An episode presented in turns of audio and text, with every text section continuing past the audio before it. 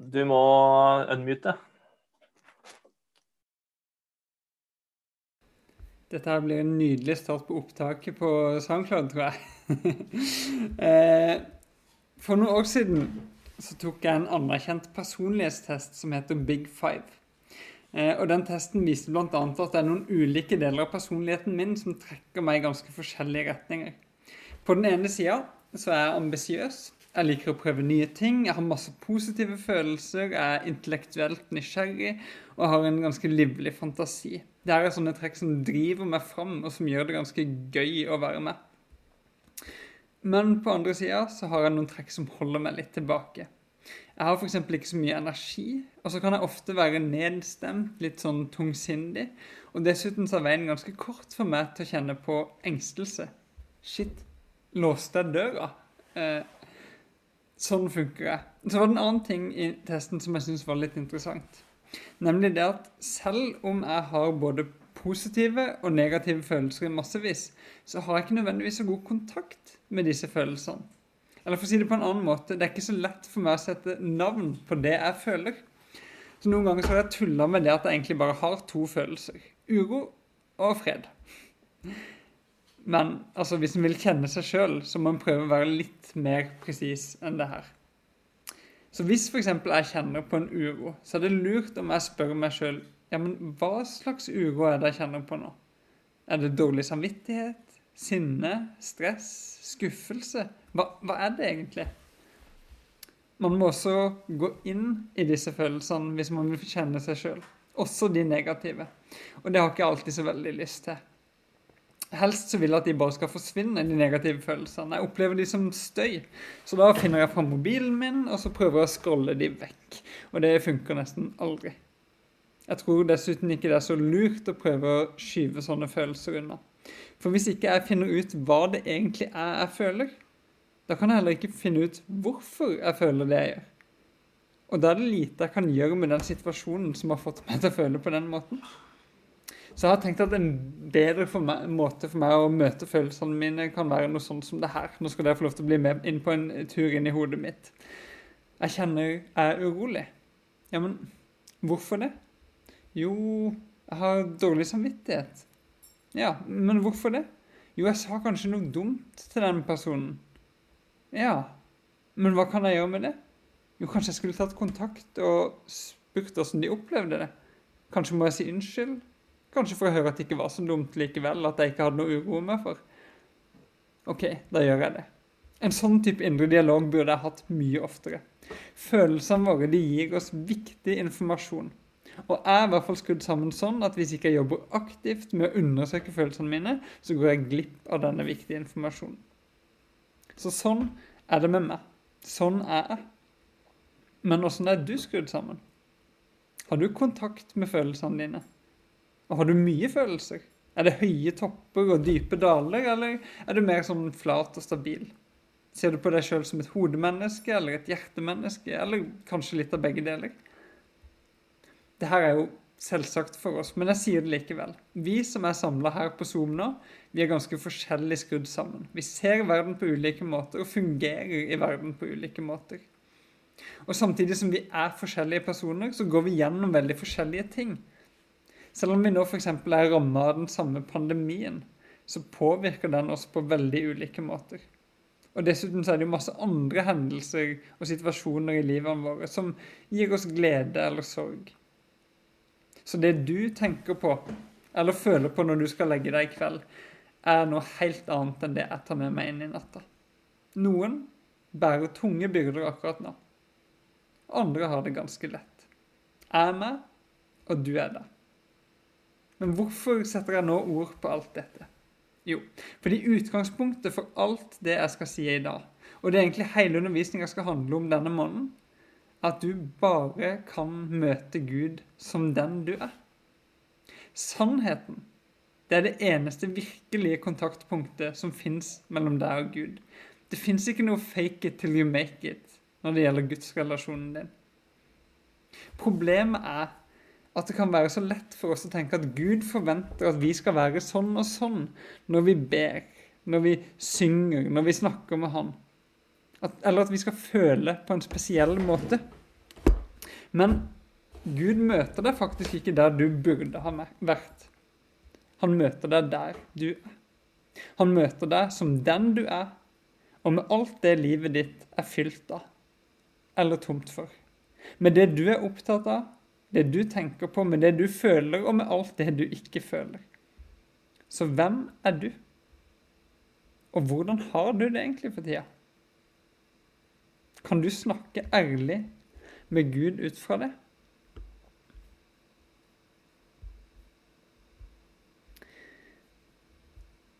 Navnet på undervisningsserien denne måneden er altså 'Ærlig talt'. Og håpet er at vi skal lære oss å snakke litt ærligere med Gud om åssen vi har det. Som inspirasjon til det skal vi se nærmere på Salmens bok i Bibelen. Det er 150 salmer der, som er skrevet av masse forskjellige personer. Og salmene rommer alle mulige slags følelser og erfaringer. Alt fra lykkerus, lettelse og begeistring til sorg, fortvilelse, frykt og til og med hat. Dermed kan salmene hjelpe oss å be. De kan hjelpe oss å snakke ærlig og ufiltrert med Gud. Til å være ekte.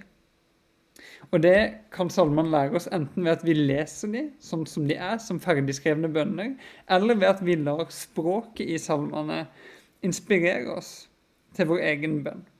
Og i dag er det altså Salme 6 som står for tur. For en person som meg, en til tider plaga sjel med bare sånn halvgod kontakt med mine egne følelser, så kan dette her være en salme som er til god hjelp. Og kanskje noen av dere vil erfare det samme. Og kanskje noen av dere som kjenner dere som følelsesmennesker, kjenner at dette resonnerer med åssen jeg snakker med Gud allerede. Vi begynner med å lese, og det første som står i salmen, er det her. Til korlederen, med strengespill, etter den åttende, en salme av David. Mange av salmene begynner med en sånn type introduksjon. Her ser vi at denne salmen ble brukt i en eller annen form for gudstjeneste med kor og strengespill. Og så står det at det er etter den åttende, som er et sånn musikkuttrykk. Sannsynligvis hvilket instrument som skulle brukes. Og det er jo grei informasjon, det. Men videre så står det en salme av David, og det syns jeg er litt mer interessant. I utgangspunktet høres dette veldig greit ut å forstå. Men faktisk er det litt tvetydig hva det betyr.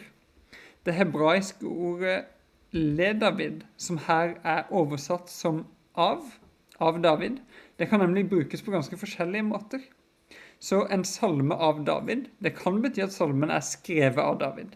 Men det kan også bety at den er inspirert av Davids liv, eller at den er tilegnet David, eller at den står i tradisjonen etter David som salmedikter. Det her vet vi rett og slett ikke. Men for enkelhets skyld så kommer jeg bare til å si David skriver dette, og David sier dette når jeg går gjennom salmen med dere. Og uansett hvem det egentlig er som har skrevet salmen, så er det meningen at vi skal forstå salme 6 i lys av David. Av hans person og hans liv. På samme måte som vi må forstå våre følelser og våre bønner i lys av hvem vi er. Og da tenker jeg Det kan være fint å si noe kort om hvem David var, sånn at vi kan forstå salmen fra dens utgangspunkt. David han var en gjetergutt som levde ca. år 1000 før Kristus. Og i veldig ung alder så ble han utvalgt av Gud til å bli salva som konge for Israel. Men så var det bare det her at det skjedde mens kong Saul fortsatt satt på tronen. Saul likte jo ikke det her i det hele tatt, så det gjorde at David tilbrakte lang tid på flukt fra en konge som hadde gjort han til sin fiende. Og da David til slutt ble konge Nå mista jeg manuset mitt her. Eh, da David til slutt ble konge, så var han også i mange kriger med naboland. og sånn, Så han hadde mange fiender hele sitt liv. Folk som var ute etter å ta han. Dessuten, hvis du leser om David i Bibelen, så kan du se at han var temperamentsfull, han var følsom. Han gikk på noen skikkelig skikkelig moralske smeller, og han elska Gud av hele sitt hjerte. Så det var litt om David. Dette er bakgrunnen, dette er personen vi skal forstå salmen i lys av. Og da er vi klare for å lese salmen. Og nå tar vi bare alt i ett jafs, så hør etter. Herre, refs meg ikke i din vrede, straff meg ikke i din harme.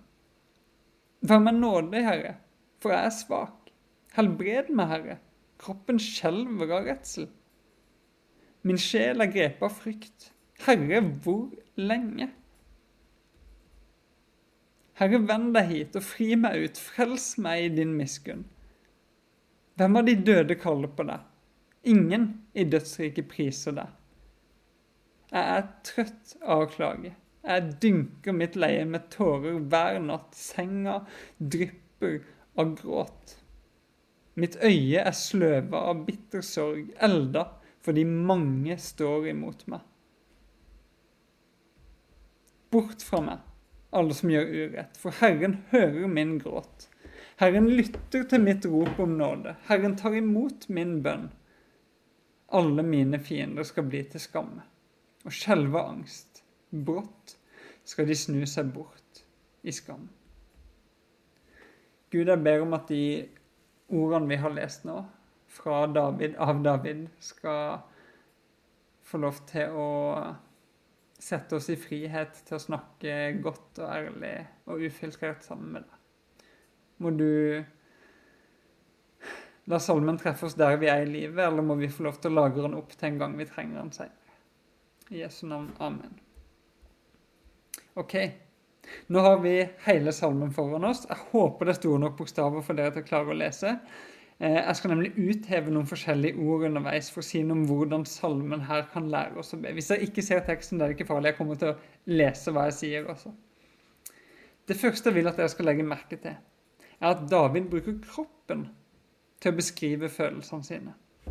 Jeg er svak, kroppen skjelver, er, tår, er trøtt, det er tårer og gråt. Øyet er sløva, det kjennes til og med elda.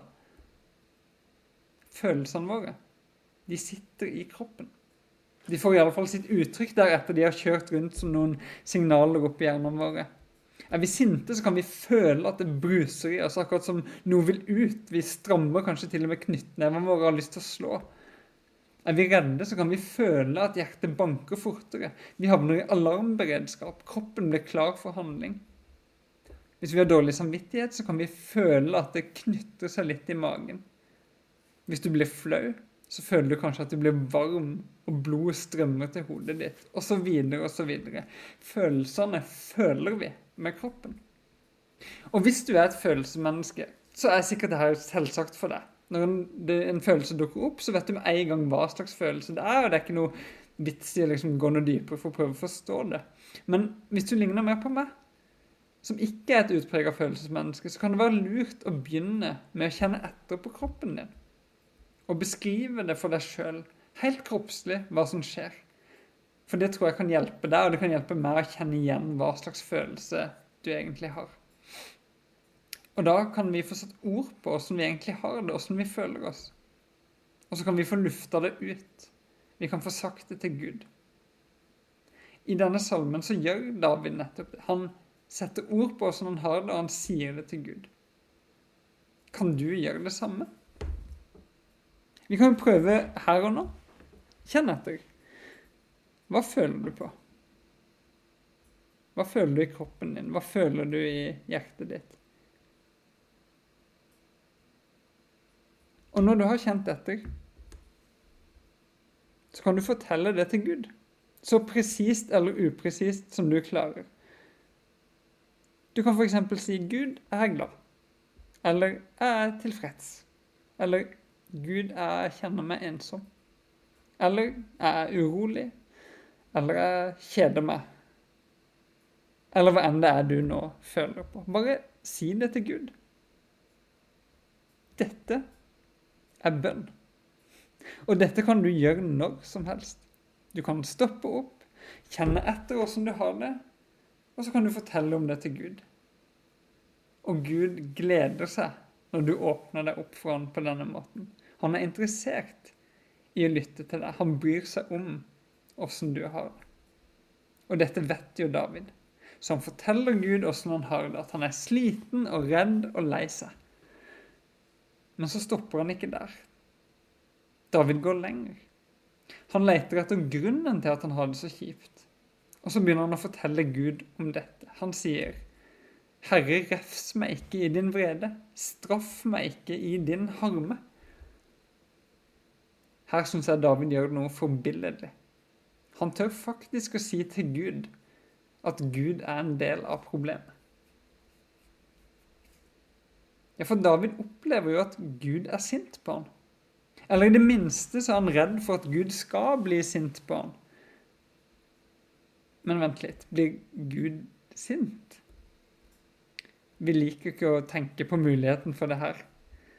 Men Bibelen gir oss et rikt bilde av den levende Gud, der også vrede og harme og sinne er en mulighet. Så jeg har lyst til å si noen ord om det. Det blir et litt sånn stort parentes nå inni en undervisning som skal handle om å lære å be, men jeg tror dette er noe vi trenger å lære oss å forholde oss til. Så Guds sinne. Det første jeg vil si, er at en feil vi ofte gjør når vi snakker om Gud, er at vi setter hans sinne i kontrast mot hans kjærlighet. Folk sier ofte sånn som at ja, ja, Gud er god og kjærlig, men han er også streng og rettferdig. Han er også hellig. Det her er en falsk motsetning. For Guds sinne er faktisk en del av Guds kjærlighet. Gud blir sint når han ser mennesker gjøre vondt mot andre. Og hvis ikke Gud hadde blitt sint av det, så hadde han jo heller ikke hatt kjærlighet for menneskene. Da hadde ikke kjærligheten vært ekte. Gud blir sint nettopp fordi han elsker. Fordi han er glad i menneskene. Så vi skal være glad for at Gud kan bli sint. En Gud som ikke blir sint, er en Gud som ikke bryr seg.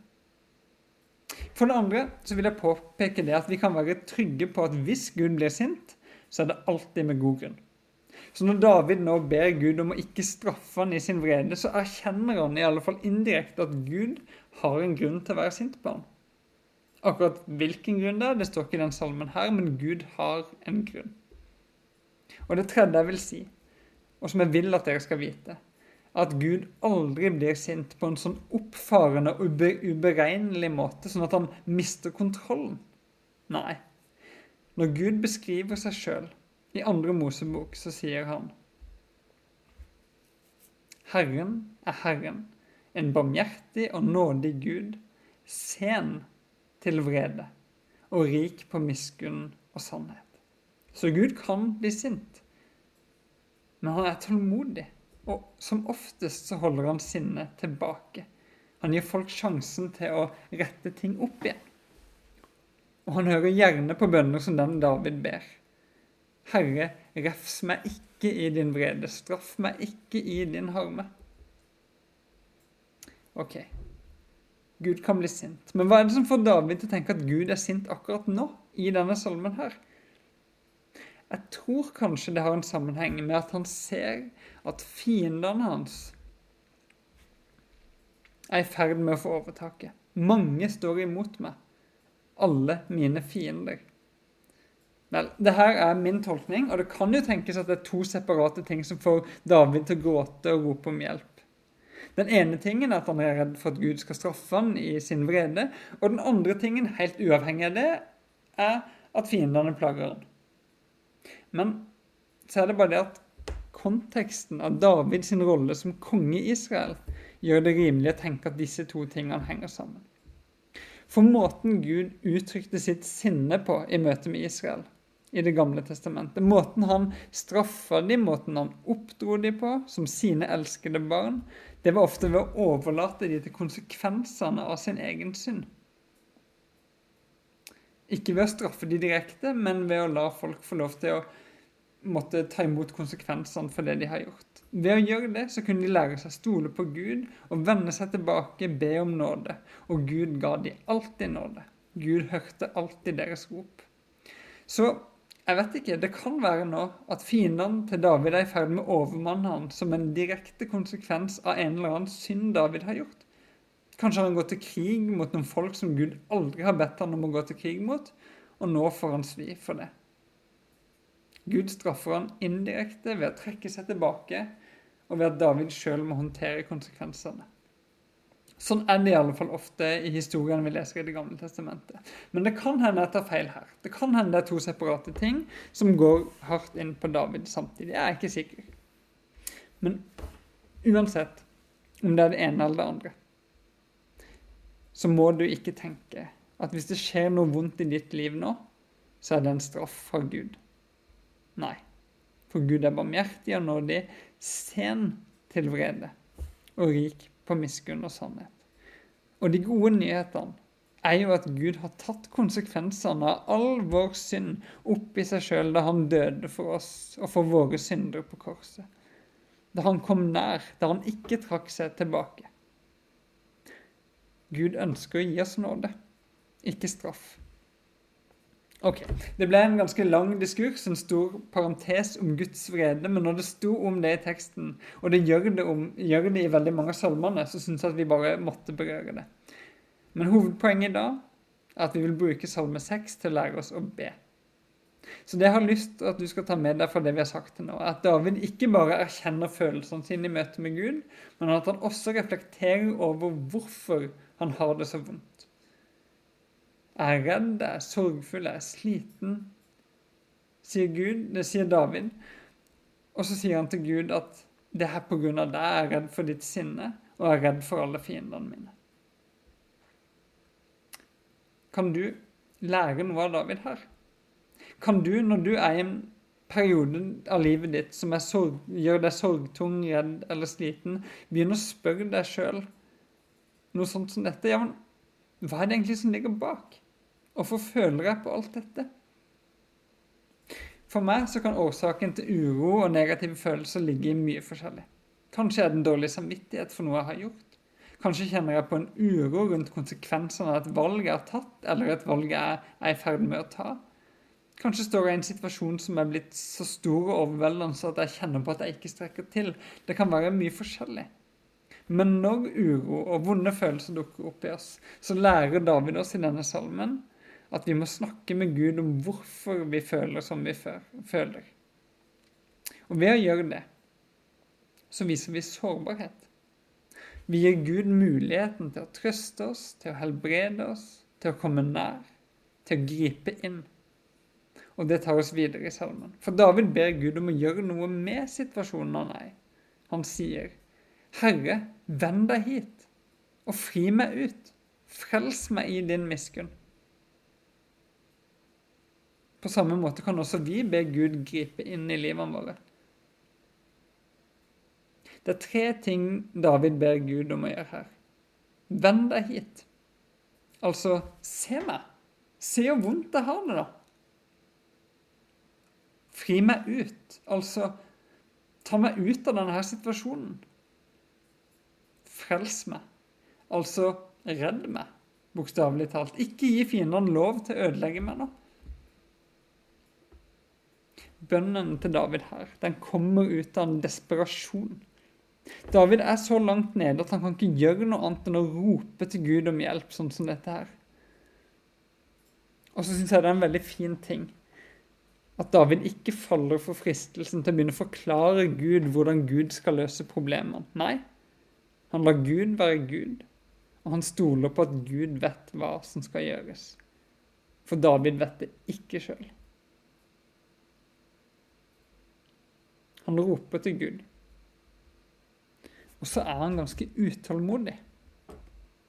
Herre, hvor lenge? sier han. Og det her er en setning som går igjen i mange salmer i Bibelen vår. Herre, hvor lenge? Disse ordene setter ord på en frustrasjon som kanskje du også har kjent på.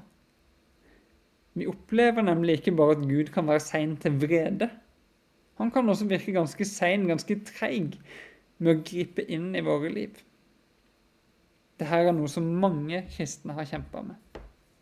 Hvorfor er det sånn at Gud svarer på noen bønner, og ikke på andre? Har det egentlig noe å si at vi ber, at vi roper på hjelp? Betyr det noen forskjell? Og så tenker vi og reflekterer og prøver å forstå hvorfor det er sånn her. Og til slutt så forsoner vi oss kanskje med noe sånt som at Gud ikke alltid svarer så fort som vi vil. Eller at han ikke svarer på den måten vi vil. Eller at han kanskje ikke engang svarer i dette livet, men i det neste. Og jeg tror det er fornuftig å tenke på den måten. Jeg tror det er viktig. Men samtidig så er det noe uforløst i det her. Det er lett å si sånne ting når livet går greit.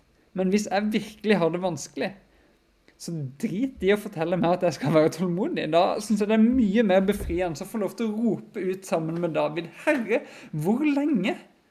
Herre, hva skjer? Hvorfor gjør du ingenting? Hvorfor griper du ikke inn? Hvis det er en sånn frustrasjon jeg faktisk føler på, hvis det er en sånn frustrasjon du føler på, så tåler Gud å høre akkurat det. Ja, ikke bare tåler Gud det. Jeg tror han ønsker at vi skal be på denne her måten. Ærlig, ufiltrert, sant, ekte. Herre, hvor lenge? Det roper David. Og sånn lærer han oss å be. Herre, hvor lenge? Samtidig som den setninga bærer med seg en slags anklage mot Gud, så er han også lada med forventning, syns jeg. En forventning om at Gud kan gjøre noe med situasjonen han befinner seg i. En tro på at Gud er stor. Og i en salme som er så full av gråt og frykt og elendighet, så lar David denne troa slippe til. Han sier, 'Herren hører min gråt'. Herren lytter til mitt rop om nåde. Herren tar imot min bønn. David har en grunnleggende tro på at Gud vil møte ham. Der han er. Akkurat sånn som livet er nå. Herren hører min gråt, sier David. Og han viser også at Gud faktisk lar seg bevege av vår smerte. At han føler med oss. At han gripes av vår sorg. At han berøres av vår glede. Herren lytter til mitt rop om nåde, sier David. Og han viser oss at Gud er oppmerksom på våre behov. At han lytter etter det primale skriket som kan bare boble ut fra dypet av oss, og vi sier 'hjelp'. Herren tar imot min bønn, sier David. Og han viser oss at Gud bryr seg om det vi sier til ham. At han er oppmerksom på det vi får sagt, ikke bare med følelsene våre, men med ord, med forstanden. Herren hører min gråt. Han lytter til mitt rop om nåde, og han tar imot min bønn. David tar disse ordene med i salmen sin. Og jeg tror ikke han bare gjør det for at Gud skal høre. Nei, jeg tror disse ordene like mye er noe David sier til seg sjøl. Han minner seg sjøl om hvem Gud er, på tross av alt det han føler akkurat nå. På tross av at Gud kan virke fjern og passiv. Og på den måten så lærer David oss å be. Han lærer oss at det er lurt å minne seg sjøl om hvem Gud er, når vi ber til Gud. At Herren er Herren, en barmhjertig og nådig Gud, sen til vrede og rik på miskunn og sannhet. At Herren er Gud, at Herren har makt, at Herren ble menneske, at Herren er god, at Herren forstår. At Herren elsker oss nok til å bli en av oss, til å leve iblant oss, til å gi sitt liv for oss. At Herren har seira over døden. Og at Herren alltid er mer og bedre og større enn vi kan forestille oss. Sånne ting kan du minne deg sjøl om når du ber, og du kan si det til Gud. Samtidig som vi snakker fra levra til Gud, samtidig som Gud gjerne lytter til det, alt det vi spyr ut av eder og galle, av frustrasjon, av frykt, av sorg og sinne, helt ærlig ufiltrert, samtidig kan vi også prise Gud for den han er. David sier hvem av de døde kaller på deg? Ingen i dødsriket priser det. David er i en situasjon der han oppriktig er redd for å dø. Dette er ord sagt i desperasjon og frustrasjon. Men samtidig så peker disse ordene på noe annet, på noe mer. De peker på det livet David ønsker å leve. Et liv som gir glede til Gud. For Gud lengter etter at vi skal kalle på han. Og Gud har glede i at vi priser ham. Gud ønsker dette fra oss, og han vet at det er godt for oss å gi det til ham. Gud ønsker dette fra oss. Og dette er også noe David ønsker å gi. Det store målet, det store håpet som ligger under det hele denne frustrerte salmen fra David, det er jo et ønske om å få lov til å leve et liv i tilbedelse. David har skrevet mange andre salmer som kan gis hjelp til nettopp det. Men i dag så har han først og fremst lært oss å snakke ærlig med Gud når vi har det vondt. Når vi går gjennom tunge perioder, så inspirerer David oss til å gjøre dette. Og la meg oppsummere. Han inspirerer oss til å kjenne etter på kroppen hva vi føler, og fortelle Gud om det. Han inspirerer oss til å reflektere sammen med Gud over hvorfor vi føler akkurat det vi føler. Han inspirerer oss til å tørre å be Gud fri oss ut av den situasjonen som gjør livet vårt så vanskelig. Han inspirerer oss til å tillate oss sjøl å være frustrerte når Gud ikke svarer på bønnen sånn som vi vil. Han inspirerer oss til å likevel minne oss om hvem Gud er, og om at Gud faktisk bryr seg. Og til slutt så inspirerer David oss til å la målet med vårt liv være å leve i bønn og tilbedelse. Dette var Salme 6. En av de 150 salmene du finner i Bibelen din, som rommer alle mulige slags følelser og erfaringer. Jeg vil avslutte med å gi deg en kjapp utfordring. Kan du bruke salmene til å lære deg å be? Helt ærlig og helt ufiltrert. Jeg tror du kan gjøre det på to forskjellige måter. Det første er at du ved å lese og studere salmene, eller høre om de på gudstjenesten sånn som nå, kan bli prega til å be på en mer åpen, ærlig og ufiltrert måte. Og det andre du kan gjøre, er å faktisk be salmene akkurat sånn som de står. Det er faktisk noe Jesus sannsynligvis gjorde hver eneste dag. Og vi skal gjøre det nå. Vi skal be salmen som han står, som en avslutning av undervisninga. Så skru på mute og bli med meg, og la David sine ord bli dine når vi ber salme seks sammen. Herre, refs meg ikke i din vrede.